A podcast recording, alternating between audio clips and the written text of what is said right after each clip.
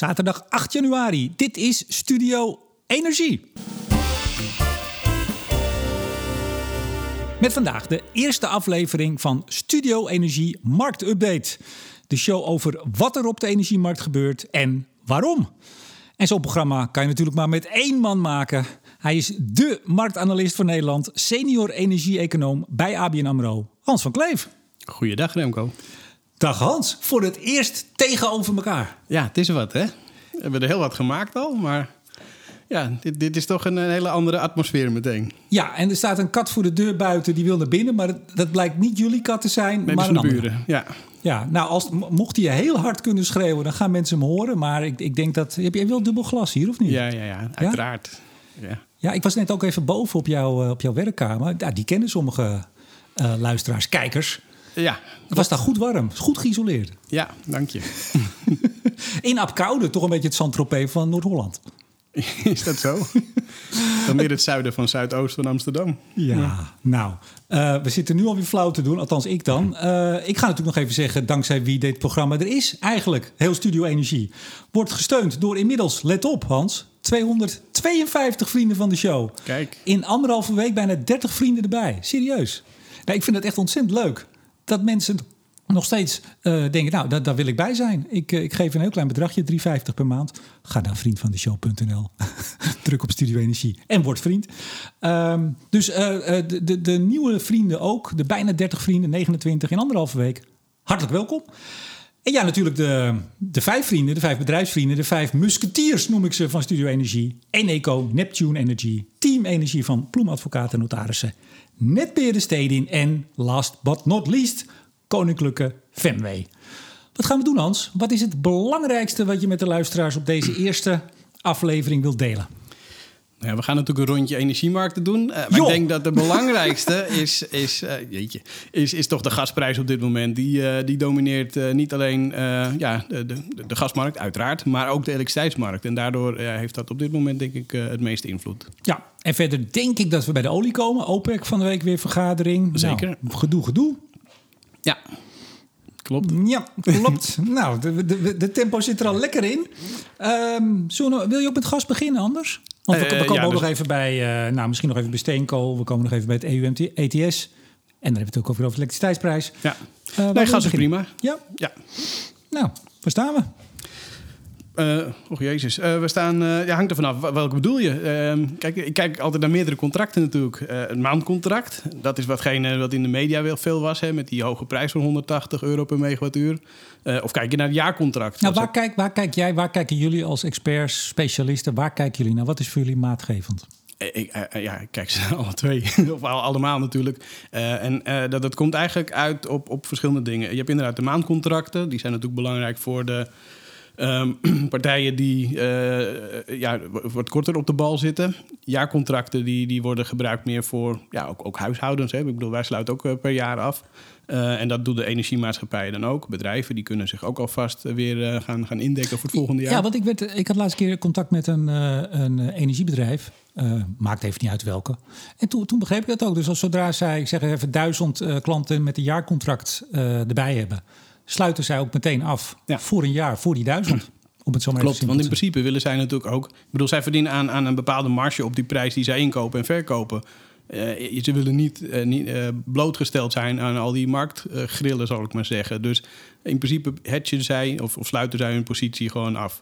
En eh, ja, dus, dus daardoor heb je die contracten nodig. En eigenlijk kijk ik ook naar de hele eh, ja, serie van verschillende eh, achter elkaar. En dat de- als je die aan elkaar plakt en een grafiek van maakt, heet dat de forward curve. Heb ik bij jou al eerder genoemd. Vind je nooit leuk, want dat is technisch. Ja. Ehm, Vind ik niet leuk, vind ik heerlijk. Oh ja? Oh, Ja. ah, vorige keer vond je het niet leuk, maar nu wel. Heel mooi. dus, nee, maar wat je daar mooi ziet is, is, is ehm, waar eigenlijk de stress in de markt zit. En als ik een voorbeeldje mag noemen, ik weet niet hoeveel tijd hebben we eigenlijk, maar we hebben we niet afgesproken. Tijd zat. We zitten hier, eh, de kat staat buiten, ik heb koffie. Ik bedoel, Tijd genoeg. Goed. tijd genoeg. Forward curve. Als je kijkt naar bijvoorbeeld hoe dat er een maand of twee, drie geleden uitzag, dan zag je dat de prijzen tot en met maart, eh, dit jaar dan nog, eh, die waren heel hoog. En de prijzen vanaf april waren een heel stuk lager. Als het weer voorjaar werd en Als het het allemaal voor, ja, weer precies. En dan was de winter voorbij. Weet Ja. je hoe de voorraadniveaus ervoor liggen. En, en of we weer op tijd kunnen, de voorraden kunnen aanvullen voor de volgende winter. Ehm, en dat veranderde eigenlijk uh, van de een op andere moment toen de Duitse regering uh, aangaf van ja, die Nord Stream 2 pijpleiding, dus diegene die is gemaakt om uh, extra gas vanuit Rusland direct naar Duitsland te transporteren. In eerst was het de vraag van, ja, wanneer komt die beschikbaar? Omdat er natuurlijk nu wat gedoe is over de vergunningen. Nou, grappig. Altmaier, minister van Economische Zaken, zei op een gegeven moment... nou, ik verwacht hier geen problemen. Dat zou een week, anderhalf uh, kunnen duren. En niet zo heel lang daarna kwam dat uh, Bundesnetzagentuur. En die zei, nou, dat moeten we allemaal nog maar eens even zien. Toen, dat zat ook een beetje met de verkiezingen en uh, de coalitie die Klopt, maar dat was nog daarvoor, dus voor de verkiezingen inderdaad. Um, en, en nu zitten ze eigenlijk op het punt van, ja, oké, okay, de Duitse overheid moet akkoord geven. En dan heeft ook nog de Europese Commissie een aantal maanden nodig. Dus in theorie zou dat met een maand of drie um, vergunningen technisch ook kunnen. Hè? Want, want puur technisch de levering, dat kan al. Uh, maar eigenlijk vanaf het moment dat Rusland bij Oekraïne aan de, aan de poort stond te rammelen. en de Duitsers hebben gezegd van dat accepteren we niet. en op het moment dat je Oekraïne binnenvalt. dan komt die hele Nord Stream 2 überhaupt niet meer beschikbaar. zag je eigenlijk de prijzen niet alleen van tot en met maart.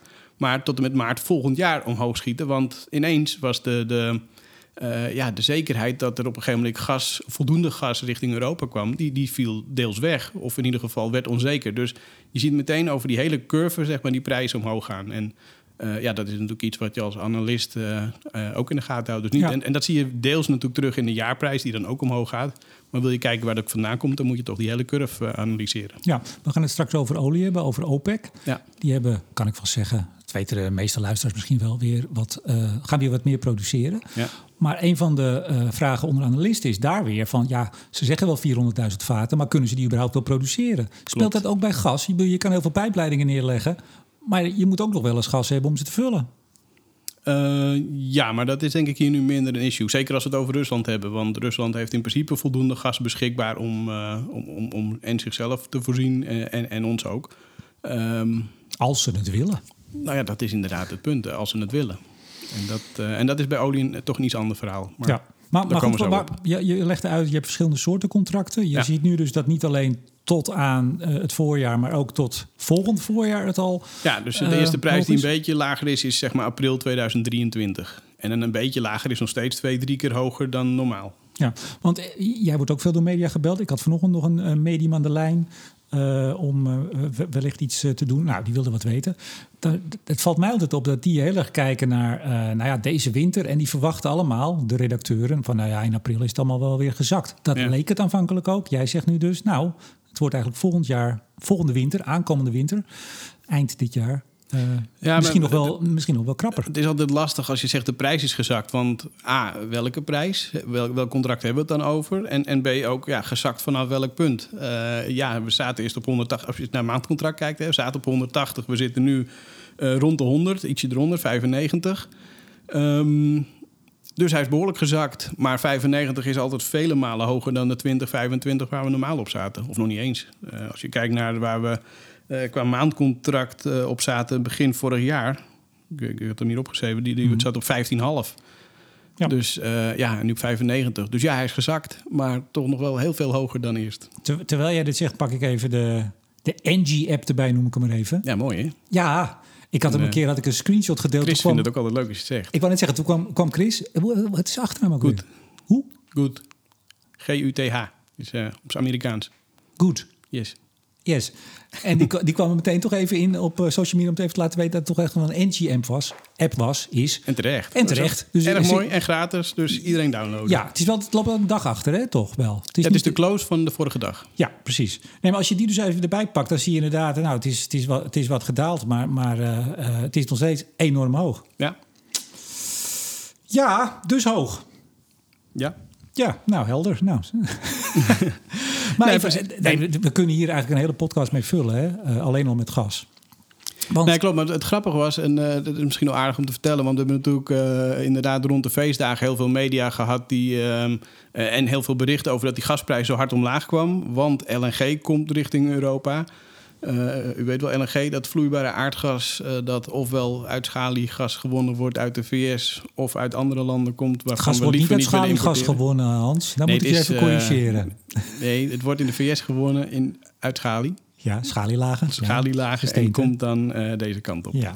Nou, of dus niet. Want inderdaad, voor de kerst, Bloomberg had een... Ik heb nog uh, getwitterd op een gegeven moment van... nou, uh, schaliegas to the rescue. Dat leek echt... Er zat een mooi plaatje erbij van een aantal gas, schepen. Hè, noemen ze het. Ja, aantal schepen. 15 uh, schepen die hadden een, een, Europese haven aangemeld als, als aankomstplek. 11 hadden nog geen haven aangemeld, maar was de verwachting dat ze ook naar Europa gingen. Is dat nou ook zo? Ja, nou wat je ziet is dat vanaf 16, 15 of 16 december, moet ik even, even, even weet ik niet. Maar uh, dat was eigenlijk het eerste moment dat de prijs van um, uh, TTF, hè, dus de, de Title Transfer Facility, oftewel de Nederlandse benchmark, hoger lag dan de prijs van uh, Aziatische vloeibaar gas. Dan kijken we vaak naar de Japan-Korea-prijs. en, en die ligt eigenlijk lag die altijd hoger dan die in, in Europa, in Nederland. Waardoor al het beschikbare, nog niet contractueel vastgelegde gas naar Azië ging. En uh, ja, half december was dus voor het eerst omgekeerd. Dus die tankers die waren, uh, ja, die waren op weg misschien naar Azië, die draaiden om en die kwamen deze kant op. Maar dat is natuurlijk, um, dat, dat kan andersom ook. Als het nu heel hard gaat vriezen in China, dan, dan draaien ze weer om, als ze tenminste nog niet leeg zijn. Ja. Uh, oftewel, uh, het blijft een, een, een markt. Uh, en dat is het, het, aan de ene kant het mooie, zeg ik maar, van de LNG-markt.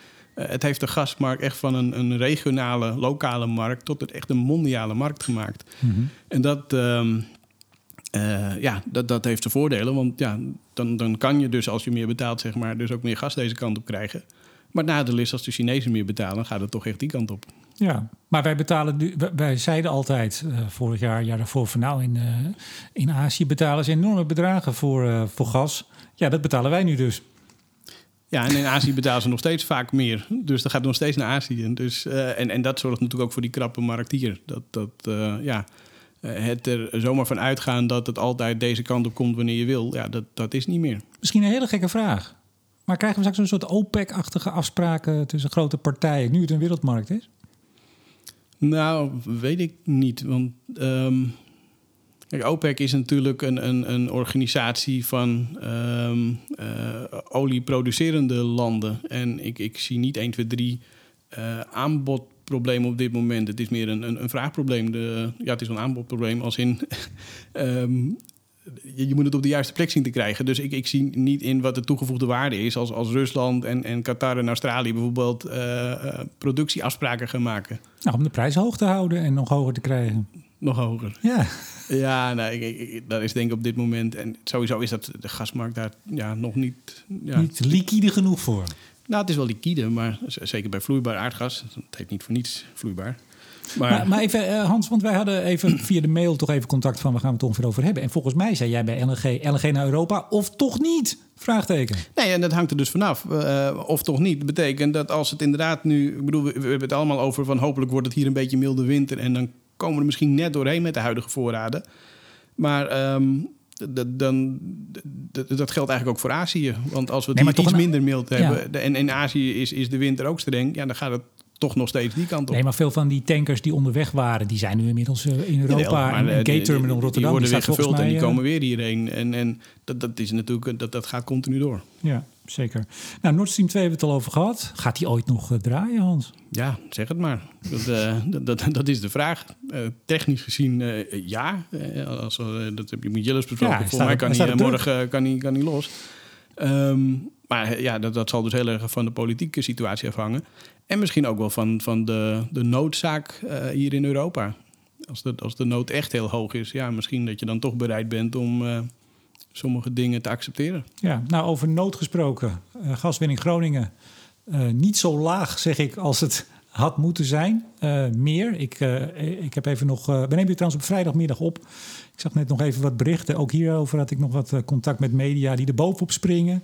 Verdubbeling van het gas. Ja, in feite is dat zo. Maar goed, het was natuurlijk altijd. Ten opzichte van wat verwacht werd, ja. ja maar niet ten opzichte van wat het was, natuurlijk. Nee, en, en volgens mij heeft Blok al een paar maanden geleden aangekondigd dat uh, de stikstoffabriek die we nodig hebben om voldoende. Ja gas op Groningen kwaliteit te kunnen maken voor onze huizen, dat die vertraging oploopt of opliep. Dat wisten we dus al. Hij zei toen al van nou, ik, hè, waarschijnlijk uh, gaan we het niet redden met wat we dachten dat we het mee gingen redden.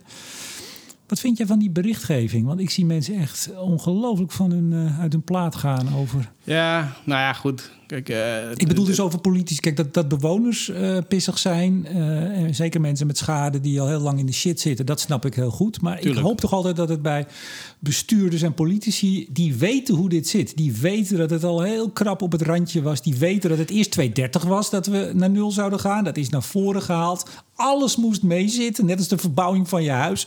Alles moet meezitten. Ja, en dan blijkt dat het niet allemaal meezit. Nee, klopt. Ja, dat, dat is natuurlijk lastig. Kijk, er is misschien een bepaalde verwachting gezegd dat um, in, in, principe zouden omlaag gaan, tenzij we bijvoorbeeld een strenge winter zouden hebben. Ja, dat kan je ook vertalen als tenzij we bijvoorbeeld een tekort hebben. Um, en, en dat hoeft niet per se. Ja, we dachten altijd dat er een tekort ontstaat doordat de vraag ineens toeneemt. Nou, deels is dat zo omdat um, in ieder geval de vraag niet snel genoeg afnam in het Duitse stukje. Dus dat is die 1,1 miljard kuub. Uh, maar de restaurant, restant, uh, 2, zoveel.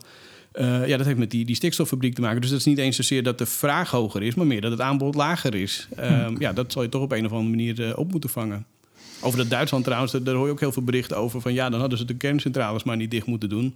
Nou, dan, dan moet ik toch nog heel even het verschil uitleggen wellicht tussen kerncentrales die energie opwekken en, en gas dat gebruikt wordt in cv-ketels voor verwarming. Dat is niet hetzelfde. Dus die, die vergelijking en die, uh, die link is sowieso uh, onjuist.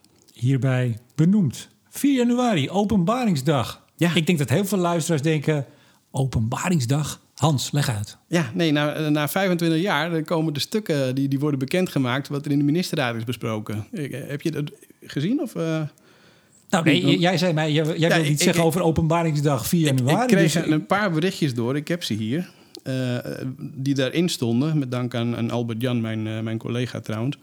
Uh, en dat Heeft Albert Jan andere... een achternaam of mag die niet Albert, Albert Jan Zwart, jazeker, okay. dat mag. Oh ja, nee, goed, anders, anders is, denkt iedereen, wie is Albert Jan? Die is sector-econoom voor de industriesector. Oké, okay, en Albert Jan en, die denkt, nou, waarom noem je me achternaam nou niet Hans? Nou, nou, nou ja, bij deze, dus goed, helemaal goed. Dus, nou, is hij drie keer genoemd, dus nou, als hij nog niet blij is, dan weet ik het niet.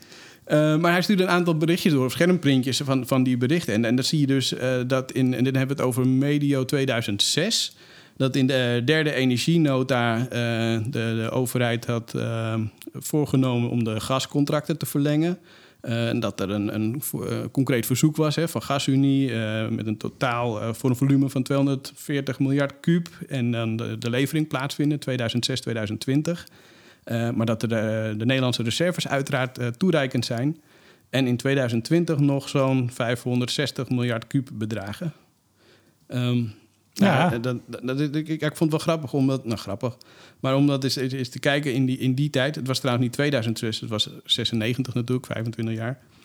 Um, een ander berichtje, die had het over, uh, dat was van, uh, van minister Pronk destijds. Die zei dat in tijden van crisis de eigen energiebehoefte uh, zou je moeten kunnen voorzien. En dat je er niet meer zonder meer vanuit kan gaan dat de internationale, internationale situatie in de toekomst dusdanig stabiel is dat er alle tijd op een ongestoorde manier gaslevering vanuit andere landen kan worden gerekend.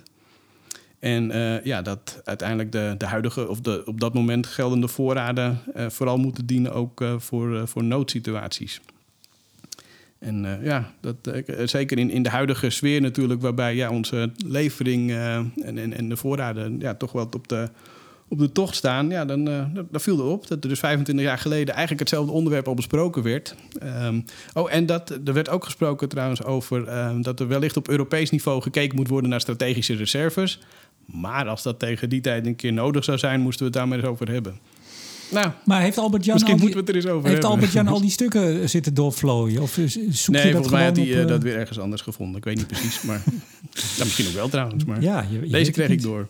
Nou, maar het viel er gewoon op dat, dat dit is 25 jaar geleden en eigenlijk precies de, de, de onderwerpen die toen uh, ja, besproken werden, het zijn degene die, die nu super actueel zijn. En, en uh, ja, als je dan denkt van tegen die, toen zeiden we van strategische reserves, misschien moeten we eens over nadenken.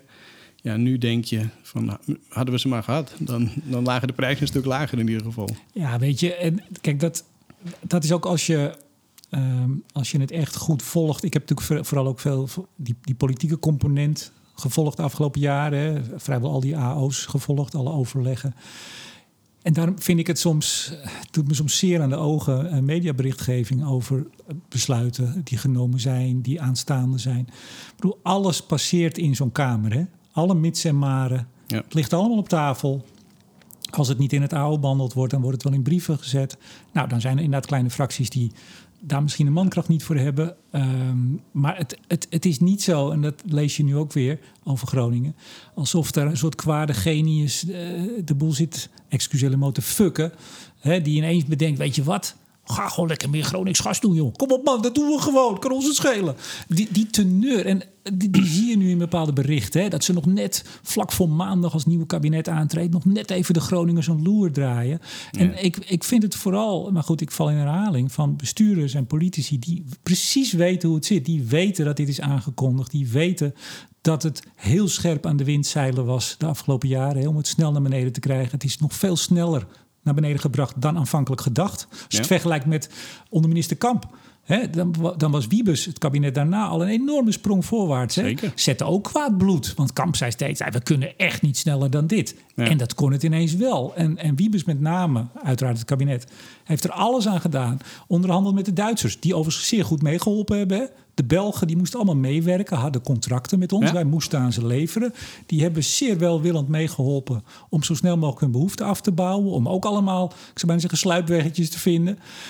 En als je dan weer die berichten ziet, ja, ik word daar wel eens, eh, zeg ik eerlijk, wat mismoedig van.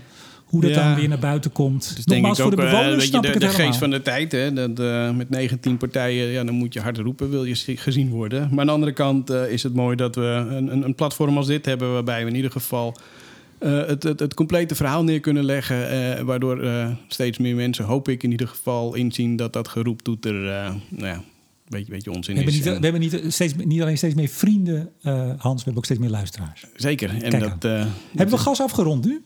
Eh, ja, denk toch? het wel. Ja. Het belangrijkste wel. Ja, de do- do- doorvertaling krijg je natuurlijk naar elektriciteitsmarkten. Maar Ja, want even, eh, ga jij nog je ramingen voor de gasprijs bijstellen? ja, Ja, wanneer gaat dat gebeuren? ja ik, ik ben er al mee bezig. Ehm, maar ik, eh, ik, ik ben nog niet helemaal klaar. Het is nog niet helemaal akkoord. Maar eh, het, het zal geen verrassing zijn. Die, die gaan niet omlaag, zou ik maar zeggen. dus Nou, ik heb, ik heb voor de grap eens gekeken. Maar dan ga ik mijn eigen analisten een beetje... Een beetje nou, hoe zeg je dat netjes? Maar nou, laat ik het anders zeggen. Ik heb gekeken wat ik voor het begin vorig jaar eigenlijk zei voor dit jaar, voor het eerste kwartaal 18. Ja, dan, dan, dan, dan is de markt toch behoorlijk veranderd. Sorry, wat maar zei je? zeggen. 18 wat? 18 euro per megawattuur, Ja. zei ik voor het eerste kwartaal van dit jaar. Dat zei ik begin vorig jaar. Ja, en wat is het nu? Nog even voor de goede orde. Eh, 95. ja, het is een afrondingsverschilletje. Maar, Luisteraars, zet u Nee, deze maar- podcast maar af, want dit heeft geen enkele zin. Er zit hier een man te wauwelen die eigenlijk gewoon... Ik zeg topanalist. Ja, waar baseer ik dat op? Ik weet het ook niet. Nou ja, op de, op de analyses. Maar de doorvertaling naar wat het betekent eh, naar prijzen is, is gewoon bizar lastig. En eh, de kans dat je het goed hebt is, is, is ongeveer nul, zeg ik altijd maar. Eh, en daarom is in de die prijsvoorspelling is, is ook ja, erg, erg ja, moet, je vooral niet te serieus nemen. Wat het vooral is, is het een, een, een fotomoment van, van hoe is de situatie nu en, en hoe zien we de richting ten opzichte van het huidige moment. Ik zou ook liever met pijltjes werken dan met, eh, met cijfertjes. Maar ja, dat werkt helaas niet altijd. pijltjes, oh, omhoog of Omhoog omlaag. of omlaag. oh, ik dacht dat je die... dus die- dat je meer de sentiment aangeeft dan of de richting. En, en niet zozeer ja, of het nou 18 of 19 wordt. Ja, als het dan 90 blijkt te zijn, dan eh, zit, je, zit je er een stukje af. Ik, ik dacht dat je het had over eh, pijltjes. Je hebt toch, eh, volgens mij heeft hij een naam, maar ik weet niet wat het is. Die, die chimpansee die ieder jaar met, met dartpijltjes gewoon op een bord gooit en daarmee de aandelen, de Ja, dank je. Ja, ja, voorspelt. Nee, dat is, nee. Die, dat is ook geen familie trouwens. Voordat je daarover begint. Hey, even, we gaan door, want Ja. het, is wel, het is weliswaar vrijdagmiddag, zaterdagochtend, maar het- we, we- moeten wel door. Zeker. Mensen, gaan naar het voetbal misschien. Mag je voetballen nu? Amateur? Weet ik niet. Ik Mag je niet, sporten? hè? nee, hè? Oeh. Niks. Nou, dan kunnen Nou, ze extra lang dan kunnen een paar minuten langer. Ja. Hey, St- Steenkool. Eh, Ja, nou niet al te veel over te omhoog, zeggen. toch? Ook prijs. Alles gaat Eh, omhoog. In eerste instantie wel. Alleen de, wat je bij eigenlijk de meeste grondstoffen ziet, is dat de, de, de dip of het laagste punt van het jaar vorig jaar lag in januari. En bij bijna allemaal lag het hoogtepunt, zeg maar half december, de derde week december. Behalve bij kolen, daar lag de piek eigenlijk al Oktober. begin eh, oktober. Ja. Ach, heb je een MS-app? Nee, ik heb het ook voorbereid. Ja, jij denkt dat ik alleen maar hier een beetje mee te kletsen. ja. Begin oktober. En dat was een flinke piek. En daarna ging hij eind oktober. Eigenlijk naar het niveau waar hij een beetje nu de laatste tijd Ja, op toen zag je inderdaad eh, dat, dat, dat het aanbod wat, wat, eh, wat toenam. En, en het met name ook eh, China, geloof ik, wat meer zelf eh, ging, eh, ging produceren weer. En dus wat minder druk gaf op de eh, internationale markt. Maar eerlijk gezegd, heel veel meer over kolen valt er niet te zeggen. Anders dan dat natuurlijk de kolencentrales eh, behoorlijk aan het, eh, aan het draaien zijn door die hoge gasprijzen. Ja. In Nederland trouwens uh, dit jaar iets minder, want die zijn natuurlijk gekapt op, uh, op 35% nu. Nou, iets minder. Misschien wel flink minder. Ja, dat weten we natuurlijk niet. Nee, dat, dat, dat zal moeten blijken. Maar maximaal uh, 35% van hun capaciteit. En dat, ja, dat kan nog wel een spannend dingetje worden... op het moment dat we inderdaad gastekorten hebben... en kolencentrales op een gegeven moment bij moeten springen. Zeker als we net als vorig jaar een, een minder dan gemiddelde opbrengst aan, aan windenergie hebben... Ehm, ja, dan met die 35 procent. En uh, oké, dat is dan exclusief biomassa. Maar als je dat allemaal inzet in de eerste helft van het jaar. Ja, dan, dan is dat probleem misschien wel getackeld. Maar dan hebben we in november en december weer een, uh, een, Ja. een mogelijk probleem. Maar ja, Ja, wie dan maar- leeft. Nou ja, kijk, ik, ik zei het laatst al een keer. Volgens mij was het met Jillis of met Martine, weet ik niet meer. Maar ehm, je ziet nu met Groningen. Ik bedoel, eh, dan ga ik eigenlijk zelf een beetje mee in die beeldvorming. Maar de beeldvorming was, we gaan naar 0 in 2022. Hoewel alle slagen om de arm zijn gehouden. Ja. Bij die cap, eh, dat is echt een aanpassing van de wet. Dus dat is wel wat steviger. Hè? Die Groningen productie was niet in een wet vastgelegd. Althans niet voor zover ik weet. Maar je zou net zo makkelijk als de nood aan de man is... zou je een noodwet kunnen maken... dat die kolencentrales toch weer meer kunnen produceren. Ja, dat kan. Of een clausule toevoegen aan, eh, aan de bestaande wet. Dan weet ik het. Dat in geval van, eh, nou laten we dan in dit geval zeggen tekorten. En niet meer vastpinnen op alleen de vraag of de aanbodzijde. Maar in geval van, van problemen aan de, aan de aanbodzijde. Dat je dan eh, dat nog wat ruimer in kan zetten. En tuurlijk, dat heeft gevolgen voor het klimaatbeleid. Eh, maar ja, dat... dat eh, Ja, hoe je, je- zit ook mee, nee, ja, maar goed, je, je probeert altijd die balans te vinden tussen en ambitieus klimaatbeleid, maar aan de andere kant moet, de- moet de boel ook doordraaien. En ehm, Nou ja, dat is dus de vraag. Hè? Dat, dat als je sommige politici, en zeker aan de oppositiekant, hoort, dan lijkt het wel of het eh, en geen gasproductie en niet dit en niet dat. En maar, maar wel, want dat zei ik ook vanochtend tegen die redacteur. Moet je toch eens nagaan als we op een gegeven moment echt een gastekort hebben. Hoe, hoe dan iedereen op zijn achterste benen staat. ja, ook. Maar ja, goed, dat is natuurlijk eh, een beetje de rol van, of nou, de rol van de oppositie weet ik niet, maar dat is in ieder geval hoe de oppositie zich altijd gedraagt. Dat is eh, dat, dat, dat het per definitie niet, niet goed is. Het is niet goed of het Eh, deugt niet. Het, kan altijd beter. Nou, dat is misschien ook zo, maar Nou, maar ik, ik vind zelf wel dat eh, dit is echt wel eh, serieus, hè? Ik bedoel, dit is, dit is niet een... Nee, maar kijk, dit, is niet op een gegeven moment... nou, we moeten de lasten anders verdelen. We gaan het over compensatie, procentje meer, lonen, al dat soort dingen. Hè? Daar kun je heel lang over steggelen. En dan heb je het over hoe je tegen de wereld aankijkt als politicus of als partij. Dit is wel gewoon iets wat uiteindelijk eh, moet rondrekenen. Je moet uiteindelijk genoeg stroom en genoeg gas hebben. ja, En precies. dan kan je En- verder niet zoveel. Ja, je kan prachtige principes hebben, maar het moet wel uiteindelijk kloppen. Ja, nou ja, goed, dat is natuurlijk altijd die, die, die, die drie pijlers, hè, betaalbaar, betrouwbaar en, eh, eh, en duurzaam. Ja, duurzaam is heel veel aandacht voor. Eh, gelukkig nu iets meer aandacht voor het, het betrouwbaar. Of dat genoeg is, nou ja, dat moet blijken. En betaalbaar vind ik eerlijk gezegd nog de minst belangrijk, omdat je dat altijd nog kan compenseren via het inkomenspolitiek. Echt waar? Ja, niet dan? Nou ja, compenseren. eh, Ik bedoel, het is herverdelen, want uiteindelijk gaat het uit ons aller zak. Tuurlijk.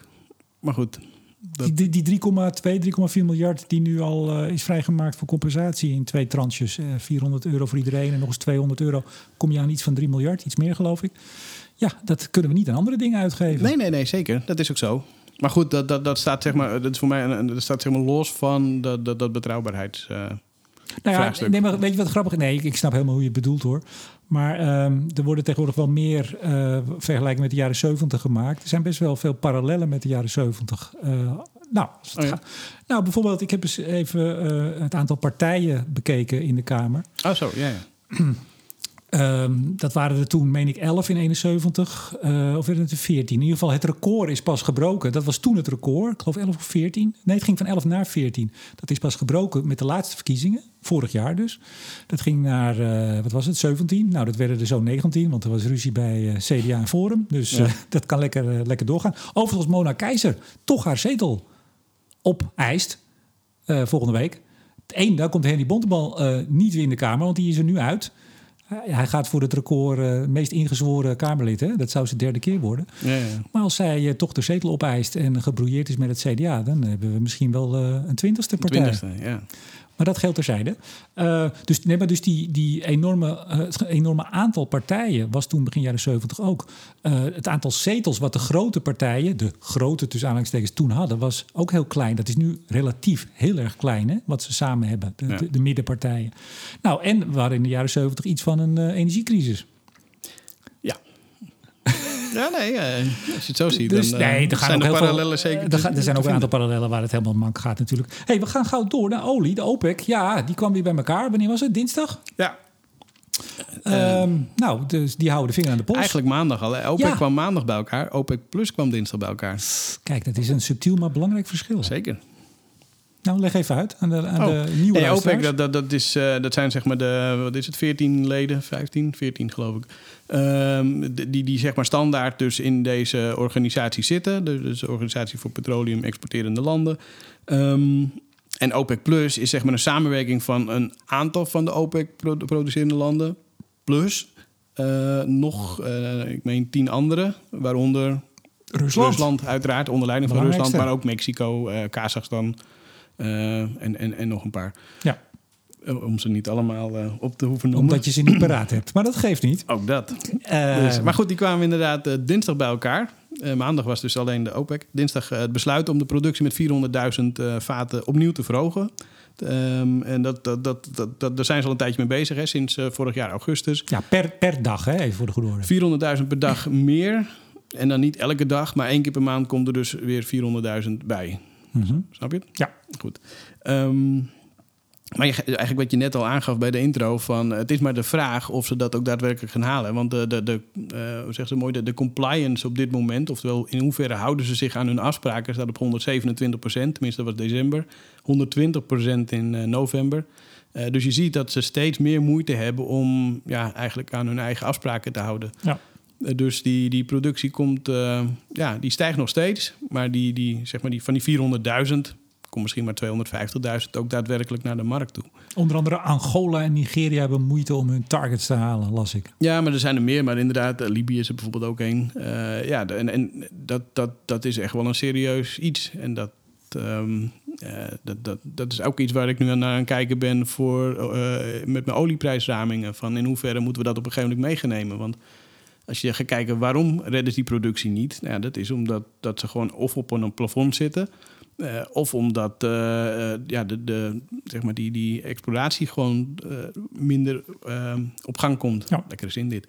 Geeft niet. Maar, ehm, Ze hebben meer moeite om olie omhoog te halen. Ja, en dat, dat heeft er natuurlijk deels mee te maken dat internationale oliemaatschappijen zich langzaam maar zeker terugtrekken. Onder de, de druk van, van, van, van, van ons, van de Ja. aandeelhouders, van, eh, van alles en iedereen. politiek. eh, de divestment, we moeten eruit enzovoort. Mhm. En die gevolgen zie je natuurlijk daar wel al een beetje ontstaan. Maar toch niet in de Libiërs van deze wereld en de Nou, Libië, nee, als je een nationale eh, oliemaatschappij als, als partij hebt die dat draait niet, hoewel die ook vaak kennis inkopen. Ehm, maar, maar sommige landen die draaien wel, wel degelijk. Eh, Nigeria is, is, toch met name een internationale oliemaatschappij. En als die zich terugtrekken, ja, dat, dat gaan ze lokaal niet opvangen. En de Saudi Aramco's van deze wereld gaan het natuurlijk niet doen, want die hebben hun eigen belangen erbij. Ja. En dat is wel iets in combinatie met het grotere plaatje dat je toch al eh, die investeringen in de oliesector eigenlijk best wel op een heel laag niveau zitten. Eh, ja, dat, dat, dat baart wel zorgen. En dan kan je eigenlijk, eh, en ik, ik zal dat niet zo 1, 2, 3 in mijn ramingen doorvertalen.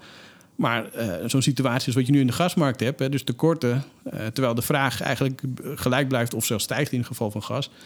Ehm, ja, die zou je bij olie ook zomaar kunnen zien. En of dat dan eind 2023 is, of in 24 of in 25, weet ik niet. Maar dat, dat, dat begint wel steeds meer te schuren. En als je eenmaal een tekort hebt en de financiële markt krijgt daar lucht van en die gaan erop op anticiperen en speculeren, ja, dan, eh, dan, dan kunnen die prijzen heel hard omhoog. Nou, dan krijgen we weer een eh, autoloze zondag. Ik weet niet of jij er in de jaren 70 al was. Ik wel. Dat is mooi man, autoloze zondag. Nou, eh, welk jaar was het ook alweer? Eh 73 en Nee, 79. toen was ik, nee, drie- ik ben in 74 geboren. Nou, 79 heb je wel meegemaakt. Ja, maar ik kan me niet heel goed meer herinneren. Woon je toen ook al in het prachtige Apkoude? Nee, toen woonde nog in Amsterdam-Oost. Ah, waar ongeveer? Indische buurt. Oké. Ik ben ook in Amsterdam-Oost geboren. Oh ja, Ja. Dit gaat nergens over. Maar... Nee, laten we dat vooral na de podcast dan verder kijken. nou, maar goed, dat is wel, wel degelijk dus een, een, een zorgendingetje, die investeringen. En eigenlijk, en eh, ik, ik, ben- ik geef ook in, in mijn presentaties vaak, eh, neem ik het plaatje mee van het Internationaal Energieagentschap, die eh, bijvoorbeeld de investeringen afzetten van de huidige, in de huidige olie- en gassector, die keurig in lijn zijn met het eh, klimaatscenario. hè. Anderhalve graden. Eh, ja, dus die, dan zie je dat, dat wat we nodig hebben in 2030, ja, daar, daar zitten we eigenlijk al net onder. Oftewel, goed nieuws, zou je denken. Ehm, maar dan moet je dat natuurlijk wel compenseren met, met, met een vervanging van die vraag. Eh, en dan, dan blijkt dus dat de investeringen in duurzame energie eh, nog niet een derde zijn van wat het zou moeten zijn. Oftewel, die, die transitie van fossiel naar duurzaam, ja, ook die is dus niet in balans. Dus, ehm, en, en dan kan je wel zeggen, dan moeten we dus heel veel meer doen in duurzaam. Maar als je dan beseft dat dat ja, eigenlijk al heel erg snel gaat en dat nog veel verder versnellen lastig is, omdat je e- e- energie, eh hoe heet het, je ehm, elektriciteitsnet al tegen grenzen aanloopt enzovoort, dan, dan is die versnelling, die nog verdere versnelling, is heel lastig. Ja. Eh, maar dat geeft dus wel te kennen dat, ja, misschien moet je dan eens gaan heroverwegen of die desinvestering in de fossiele sector. ehm, Kijk nou toch uit, Hans, wat je zegt. Kijk nou toch uit. Straks krijgt men er lucht van. En dan, dan het juiste word je- tempo gaan, Word je ontslagen straks bij de bank. Ja, Ja, nou, zo de vaart bank is ook groen gaan. hoor. Oh man. Ja, maar even, ik- logo zeker. Ja, Ja, ik- met een geel dingetje erin. Ja, dat zeg je altijd. gezien, toch? Ja, zeker. Maar ik, ik had laatst een, gesprek met iemand en, en toen ging het hierover. En kijk, achteraf... Nou, st- stel nou even dit gebeurt. Hè? We gaan te weinig... eh, we produceren te weinig fossiel. We kunnen met, ehm, met hernieuwbaar kunnen we dat gat niet vullen. We, hebben tekorten. Dan krijgen we hetzelfde als we nu met gas hebben de afgelopen tijd. We krijgen Ja. enorme prijsstijgingen... en misschien op een gegeven moment wel productie... of eh, eh, leveringsproblemen ik kan je garanderen, dan staan alle media, die staat bij jou en, en misschien bij mij en bij Jilles en bij Martien op de stoep. En in de kamer, iedereen op de achterste benen. Maar jij zegt het nu, wij zeggen het nu, Jilles zegt het al een tijd. We weten het, hè? We weten, maar nu eh kraait er geen aan naar. Nee, nou, leuk, dat- podcastje, die zeggen weer wat over fossiel. Oh, dat zijn zeker van die fossiele meestribbelaars of tegenstribbelaars. Maar het is gewoon, het zijn gewoon de feiten zoals ze nu liggen. Ja. Eh, ja. En eh, ik, ik eerlijk ja, twee dingen. Natuurlijk, de, de, de politiek reageert vaak op wat speelt er nu. En, en, en ja, er gaan hopelijk wat verkiezingen overheen voordat het zover is. Misschien ook niet. Ehm, maar eh, ik, ik bedoel, dat is de situatie hier. Maar als je dan kijkt naar landen, eh, kijk naar Kazachstan nu. De, ik bedoel, de, de, de, al die ophef is, is, is, is getriggerd zeg maar, door een verhoging van de LPG-prijs. Ja, en het is nog wel een olieproducerende land. Ja, verdubbeling, hè? Jawel, maar ik bedoel, het is een, ze produceren zelf, dus ze zouden dat tegen relatief lage prijzen in hun eigen markt eh, weg kunnen zetten. Ehm, en, a- en als je dan ziet in hoeveel landen dat de, gewoon hele arme mensen zeg maar, al, al moeite hebben om, om daar nu al aan te komen bij de huidige prijzen. Mhm. Ehm, ja, dan. dan wij, wij, wij, wij- zoomen te vaak, denk ik, in op het energiebeleid, op, op puur Nederland. Op, en, en met een beetje geluk hebben we iemand die naar Europa kijkt, maar daarbuiten al helemaal niet. En zeker olie en, en inmiddels ook gas zijn toch echt mondiale markten. Dus eh, desinvesteringen hier en zeggen, joepie, we, we, we redden onze klimaatdoelstelling in Nederland daardoor.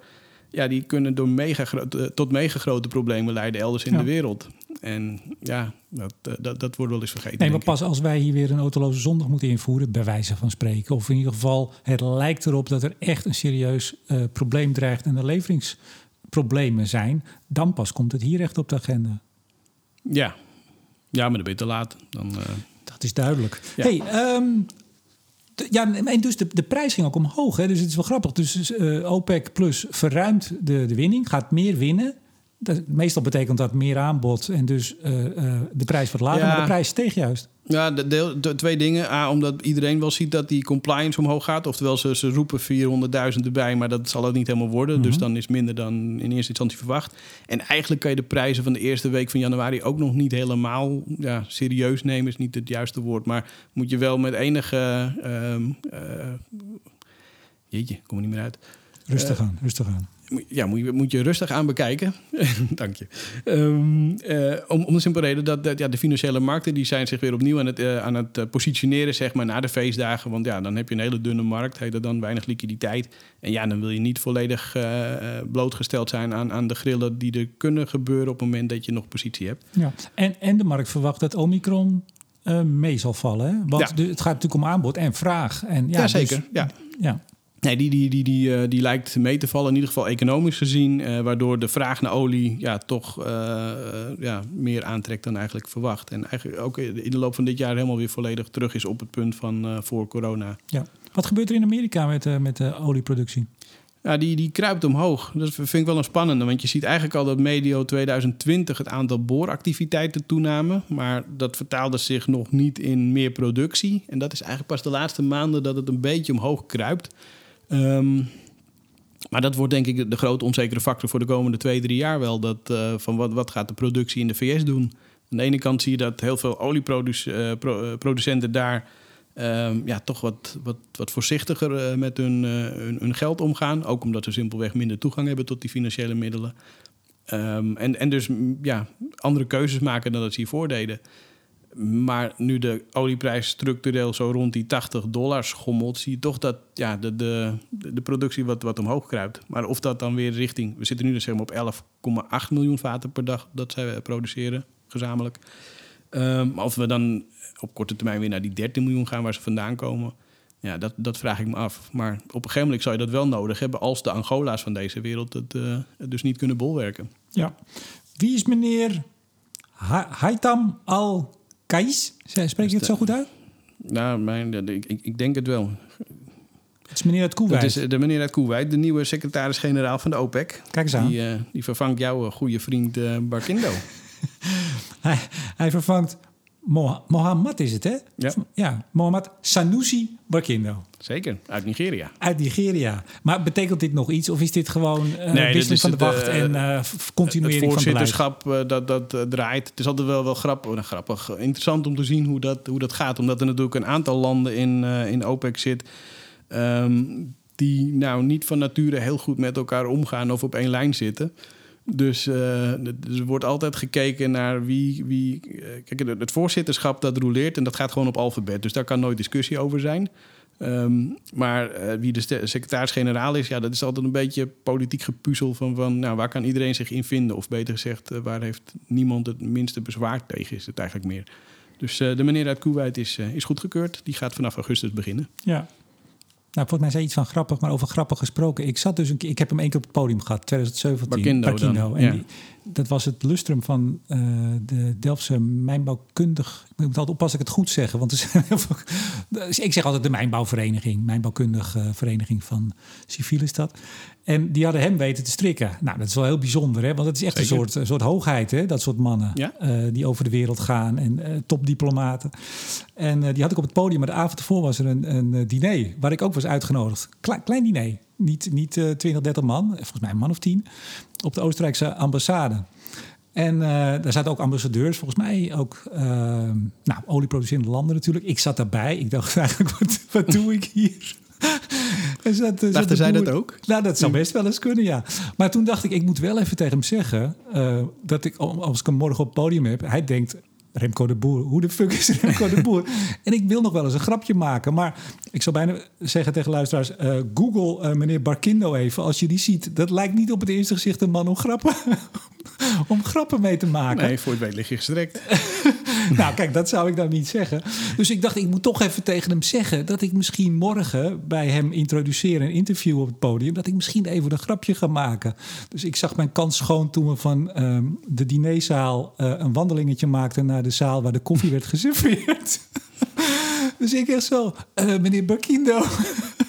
Zo van, eh, ik- even het volgende. En eh, toen nam de lieve schat, die nam me bij de arm. Dus we liepen een soort van gearmd, liepen we naar de koffie.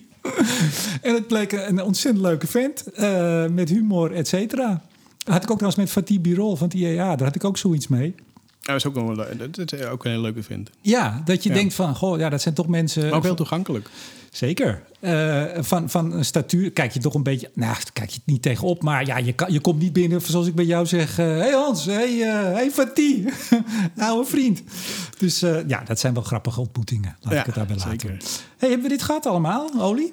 Eh, ja, denk het wel. Je gaat je raming weer aanpassen natuurlijk. Je gooit Ja. weer- zullen, zullen volgende? Jij gaat je raming aanpassen. Ja. En dan ga ik gewoon als een chimpansee met wat dartpijltjes gooien. En dan kijken we wie het aan het eind van het jaar het best had. Nee, doe maar niet. Je bent bang dat ik, dat Ja, ik dat win, zou wel heel erg zijn. Ja, wist je de prijzen? Is daar nog wat mee? Nou, die, die staan natuurlijk op, op uh, nou, iets, iets gezakt inmiddels. Maar ik krijg wel de laatste tijd heel veel vragen over... van hoe kan het nou dat die olieprijs uh, best wel hoog is rond de 80... maar natuurlijk belangen na niet op het niveau van 2008. Hè. Toen staat het op 150. Uh, hoe kan het dan toch dat de benzineprijs op recordhoogte staan? Of in ieder geval eind vorig jaar. Ja, hoe kan dat? Ja, nou, uh, dat wil ik wel even uitleggen. dus, maar het zijn eigenlijk vooral drie, drie factoren. de, de, de belangrijkste, echt bij far de belangrijkste, is de dollar. De dollar stond in 2008 op ongeveer 1,40. Dus voor 1 uh, euro kreeg je 1,4 uh, dollar. Inmiddels 1,13. Dus het is een serieuze stijging. De dollar sterker geworden. En dat zie je dus terug in de uh, koers van, uh, of in de prijs van benzine. Mm -hmm. we hebben natuurlijk accijnsverhoging gehad, 12,5 cent in totaal.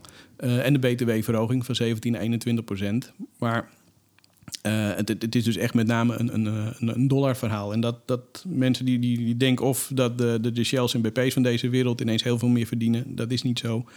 Um, en het is ook niet dat um, het enkel en alleen accijns en, en BTW is. Dus dat uh, hebben we deze dan ook eventjes uh, Het is weer uitgelegd. zoals altijd een genuanceerd verhaal. Altijd, ja. Altijd.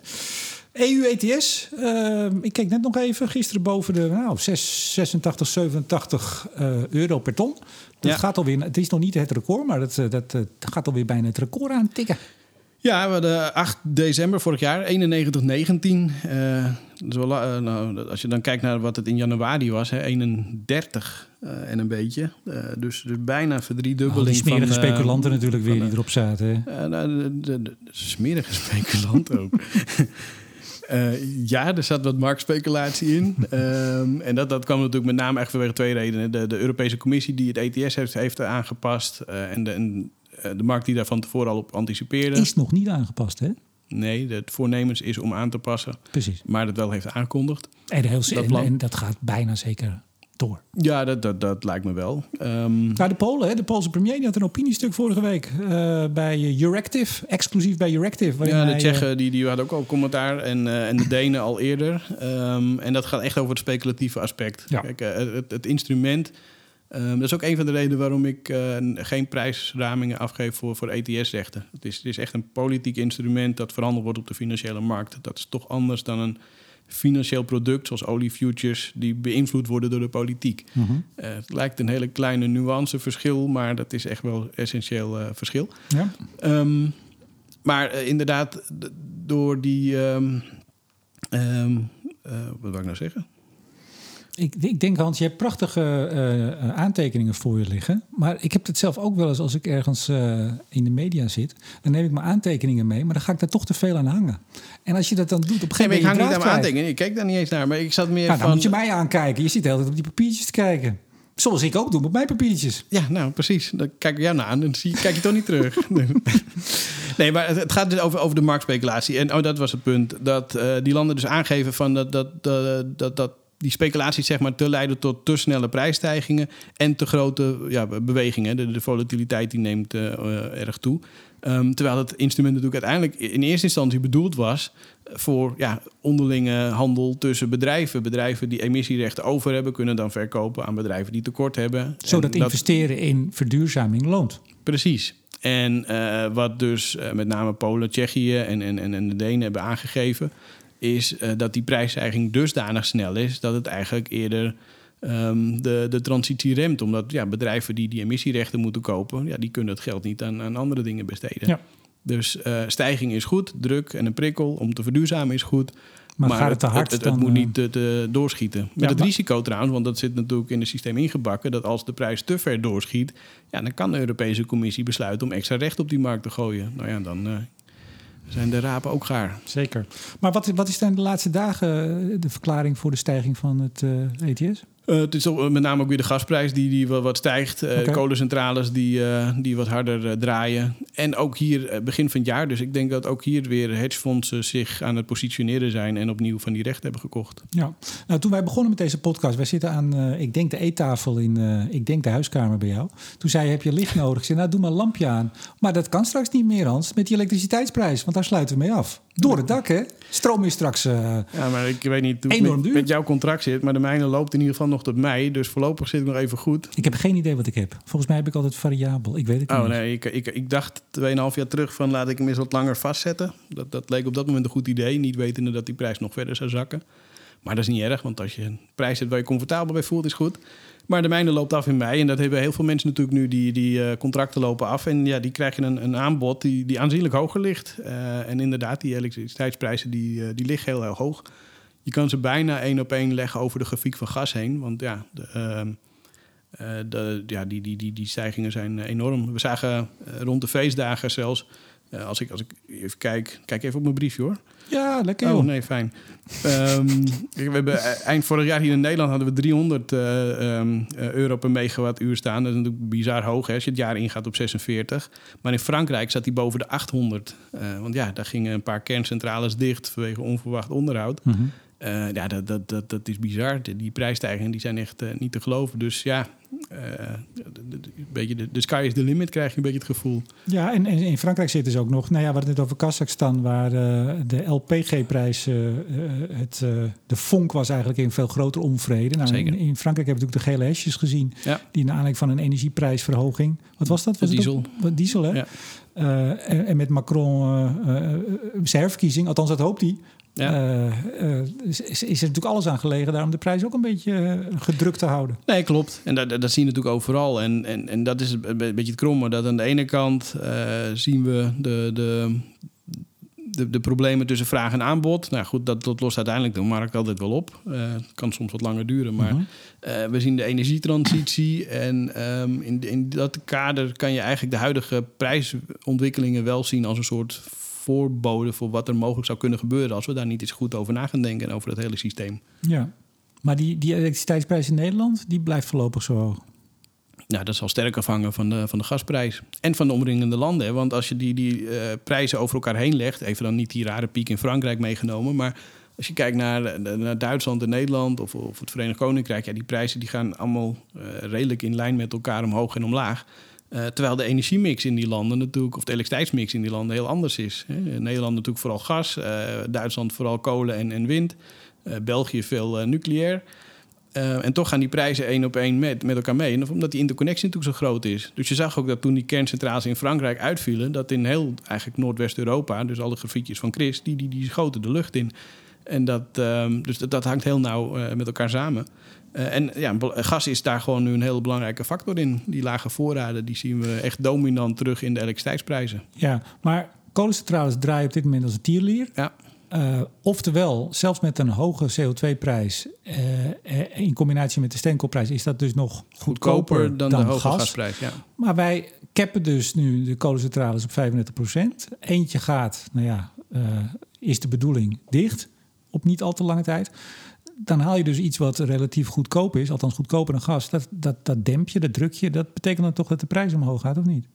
Ja, dat, dat, zal ervan afhangen waardoor het wordt overgenomen. Uh, in principe door het volgende. In, in, in, de, in de merit order heet het dan. Ja. Dus het, het, volgende duren. Dus, dus ja, omhoog. Maar goed, of, of dat, dat fact, die factor alleen zou de prijs omhoog stuwen. Uh, Precies, maar we hebben die interconnectie. En nou, dat niet alleen, maar we hebben natuurlijk ook... Uh, kijk, uh, in die tussentijd kan, kan de gasmarkt compleet veranderen. Dus uiteindelijk, of, en dat maakt het zo lastig om elektriciteitsprijs te voorspellen. doen we dus ook niet.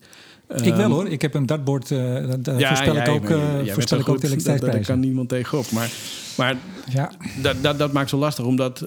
nou, je ziet hoe moeilijk het is om gasprijzen te voorspellen. Maar de, de elektriciteitsprijs is een, een, een, een, een ja, bijeenvoegsel, een samenvoegsel van, van gas, kolen, uh, CO2, beschikbaarheid van duurzame energie. Storing aan kernenergiecentrales in Frankrijk. Uh, misschien een beetje, een beetje olie zelfs, hè? want uh, door de gasprijzen zie je ook de dieselgeneratoren weer uit de garage getrokken worden. Dus zelfs dat begint een beetje mee te spelen. Je hebt wel een garage, zie je. Ja, maar geen dieselgenerator. Okay. Dus, je hebt een van de weinigen, heb je hier een garage hè? in het... In het... Ja, alleen de hoekhuizen. Oké. Okay. Oh, nou ja, goed. Toch weer informatie waar we niks mee kunnen. Nee. Um, Volgens mij zijn we rond, of niet? Of heb je nog op jouw aantekeningen nog uh, brandende kwesties? Uh, nee, ik denk dat we het meeste wel gehad hebben.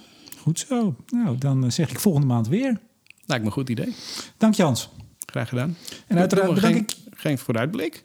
Nou, doen we altijd een vooruitblik. Dan bereid ik hem een keer voor. nee, maar goed. Ik, ik, dacht, omdat jij nooit een vooruitblik... Ja, bijna niemand met wie ik podcast maak bereidt een vooruitblik voor. Dus ik dacht, je moeten we maar een schrap in het nieuwe jaar. Hans, heb jij nog iets voor de vooruitblik? Oh, doen we dat? Nou, um, ja, ik wou zeggen Rusland-Oekraïne natuurlijk voor, voor, voor, voor de oliemarkt heel belangrijk. Uh, de Iran-deal die, voor de, die mogelijk met de VS... Uh... Voor, de, voor de gasmarkt, denk ik. Olie en gas. Oh, ik dacht dat je olie zei.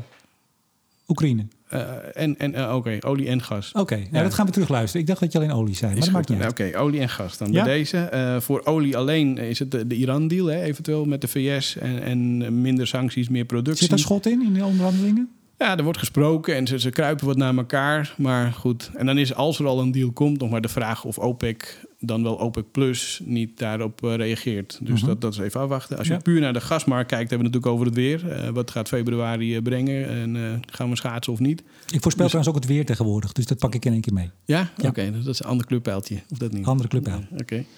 Um, en niet alleen natuurlijk het weer hier, maar ook in China. En voor um, ja, de elektriciteitsmarkt is... En, ja, dat is eigenlijk ook vooral gas. ja. En, en, en COVID natuurlijk, uh, ja, de vraagkant. Ja, en de volgende OPEC-vergadering 2 februari. Kijk, dat heb ik voorbereid. Kijk, dat uh, is heel goed. Dank en wij zitten, als het goed is, uh, volgende maand weer. Ja. Ook weer hier in de huiskamer? Je bent altijd welkom. Keurig op 1,51 meter. Dat ja. doen we precies goed. Nogmaals dank. Ja. En uiteraard bedank ik ook jullie, beste luisteraars. En in het bijzonder, ja, ze zitten er al op te wachten. De beste vrienden van de show. En dus ook Eneco, Neptune Energy, Team Energie van Ploem Advocaten en Notarissen, Netbeheerder Steding, Stedin en de Koninklijke Femway. Mijn naam is Remco de Boer. Graag tot de volgende keer.